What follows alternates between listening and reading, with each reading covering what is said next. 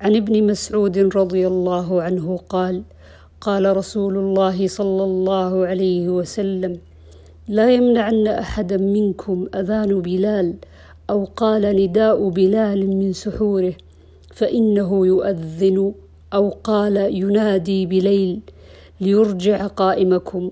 ويوقظ نائمكم وقال ليس أن يقول هكذا وهكذا وصوب يده ورفعها حتى يقول هكذا